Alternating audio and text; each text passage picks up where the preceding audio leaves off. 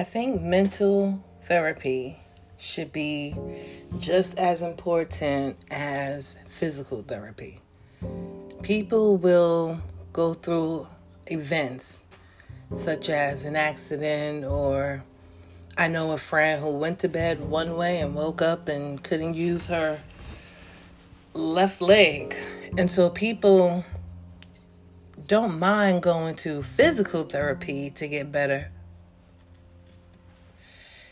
it's almost like second nature like that is what is to be done you know? When you get into an accident it's the most natural common thing to do is to go to physical therapy. However when we go through life altering events and pertaining to our mental even a breakup a loss, the loss of a loved one, uh, just anything that happens, we don't really have that same mindset. Like, oh, this happened, I need mental therapy. I don't know, we sweep it on under the rug or we just push it aside or we ignore it or we think we're dealing with it, but mental therapy is just not as important as physical therapy is to a lot of people.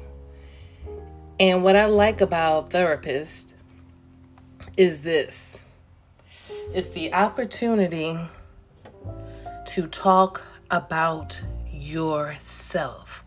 The things that you would be scared to talk about or reluctant to talk about with family members because you think they may judge you or look at you differently, this is the time for you to to take or pour out everything that's in your mind, things that make sense, things that don't make sense, to make sense of it. So that's the first advantage is you can talk about yourself. You can brag about yourself. You can talk less about yourself, but it's the time to talk about yourself.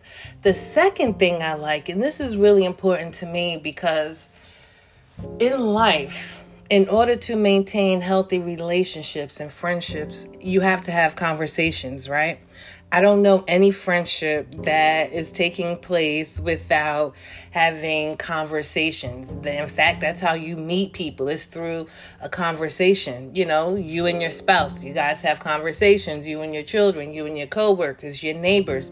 There's conversations. And in conversations, there's ex- there's an exchange of words. So if you ask me, how am I? It's quite natural that I'm going to ask, how are you?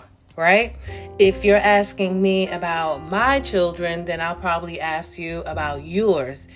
Um, a conversation is, again, exchange of two or more thoughts. I think, and what I mean by that is, it is rude and we probably know people like this um, that only talk about themselves, right? Like we all know that one person that as soon as you ask them how how are you, they go on and on and on and on and on and on and on, and then it's like okay bye. You're like well dang you didn't ask me about me. Um, and so as a human being and a, a polite person, a nice person, and most importantly, a Christian, um, we ask those questions not because we have to, but because I mean, we're curious, yes, but we know that that's a conversation, you know, that's how you build relationships, that's how you get to know people. So if you're in a dating stage, you know, you're going to ask, well, what types of things do you like? What don't you like? What do you eat? You get what I'm saying? Whereas with a therapist, you don't have to be polite in that manner. You don't have to ask your therapist anything. If she asks you, how's the weather, you know, and you tell her, hey, it's it's beautiful. I like snow. I like when it's cold outside. I like bundling up. The most polite thing to do would be to, you know, we'll say, hey, how do you? Do you like the snow? But in therapy, you don't have to ask that. Guess what? You don't have to care about the person that you're talking to. And it sounds mean and a bit rude, but I don't care about my therapist. I don't know if she's married or have children or live in a house or an apartment. I don't know if she rents or own. I don't know what she drives. I don't know her favorite colors. And guess what? I don't care. I don't know what she ate last night. I don't know whether she has a dog or a cat. I don't know what traumas she's been through. And I don't care. It's not my time during our time, and it's not my job to care about her. And guess what?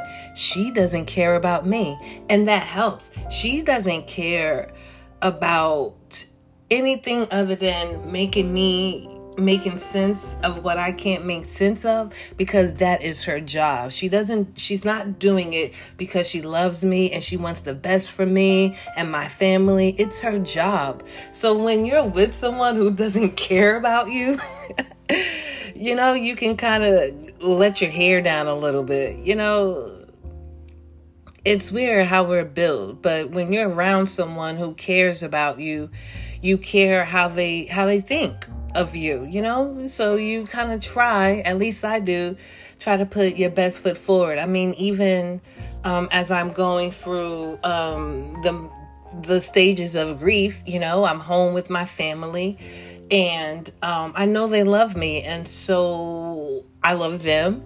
Um, and so I care about their feelings and emotions just as much as they care about mine. So there's certain things that I don't tell them because I don't want to scare them. I don't want them to get nervous. I don't want them to feel like they have to watch me or feel like um they failed you know i don't there's i don't i don't want to put that on them. And so even in my conversations i'm very open i'm very transparent but yes there are some things that i hold back because it's just not for them.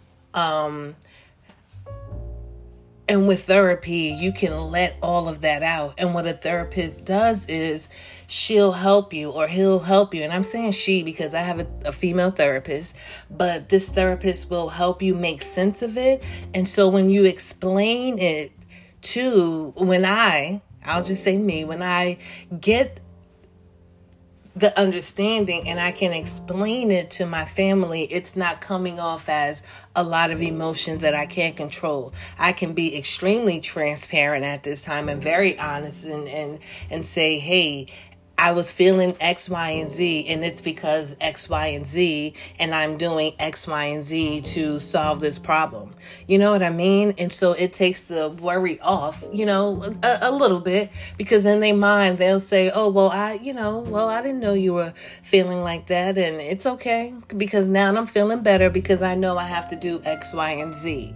And so it's a different conversation, it's a different feeling. In fact, I think it's a better feeling. I think it's a better feeling for my parents to know that one, I'm not walking away or sweeping my feelings and emotions under the rug. I'm dealing with them, but I'm also getting help and I'm utilizing that help. You know, I just started yarning. And so I told them, hey, I mean, not yarning, but knitting. And I said, hey, my therapist suggests this. And so they see me trying different things to help my mental and they feel better about the decisions I'm making, but they don't necessarily know about the scramble that happens. My therapist essentially knows about that. And so that's what I like about therapy.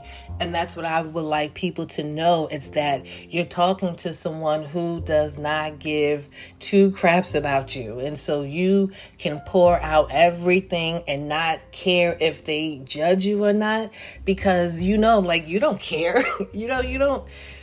You don't care. Like, you don't you don't love me because you don't even know me. Yes, you are getting to know me and figure it out, but it's a whole different perspective. It's a whole different set of emotions um, and feelings. And so, if you are not in therapy, um, but you have went through a event in life that you have questions, um, yes, if you're in church, please talk to pastors. Please um, keep in close contact with your church members because they're going to bring a biblical, a spiritual, and a religious perspective that you're going to need wholeheartedly. But like one of my church members said, sometimes um, it's an imbalance. You know, God can fix your heart and He can fix your mind but sometimes um, like there's scans that shows you know certain things happening in your mind and the influence that it takes when you're under medication. And so sometimes you may need that just to get you over this hump.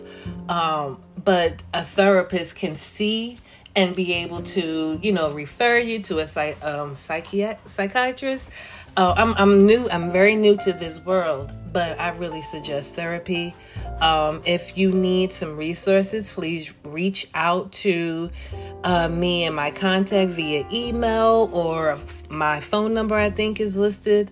Um, but I am pro, pro therapy. That's all I have for now. Bye bye.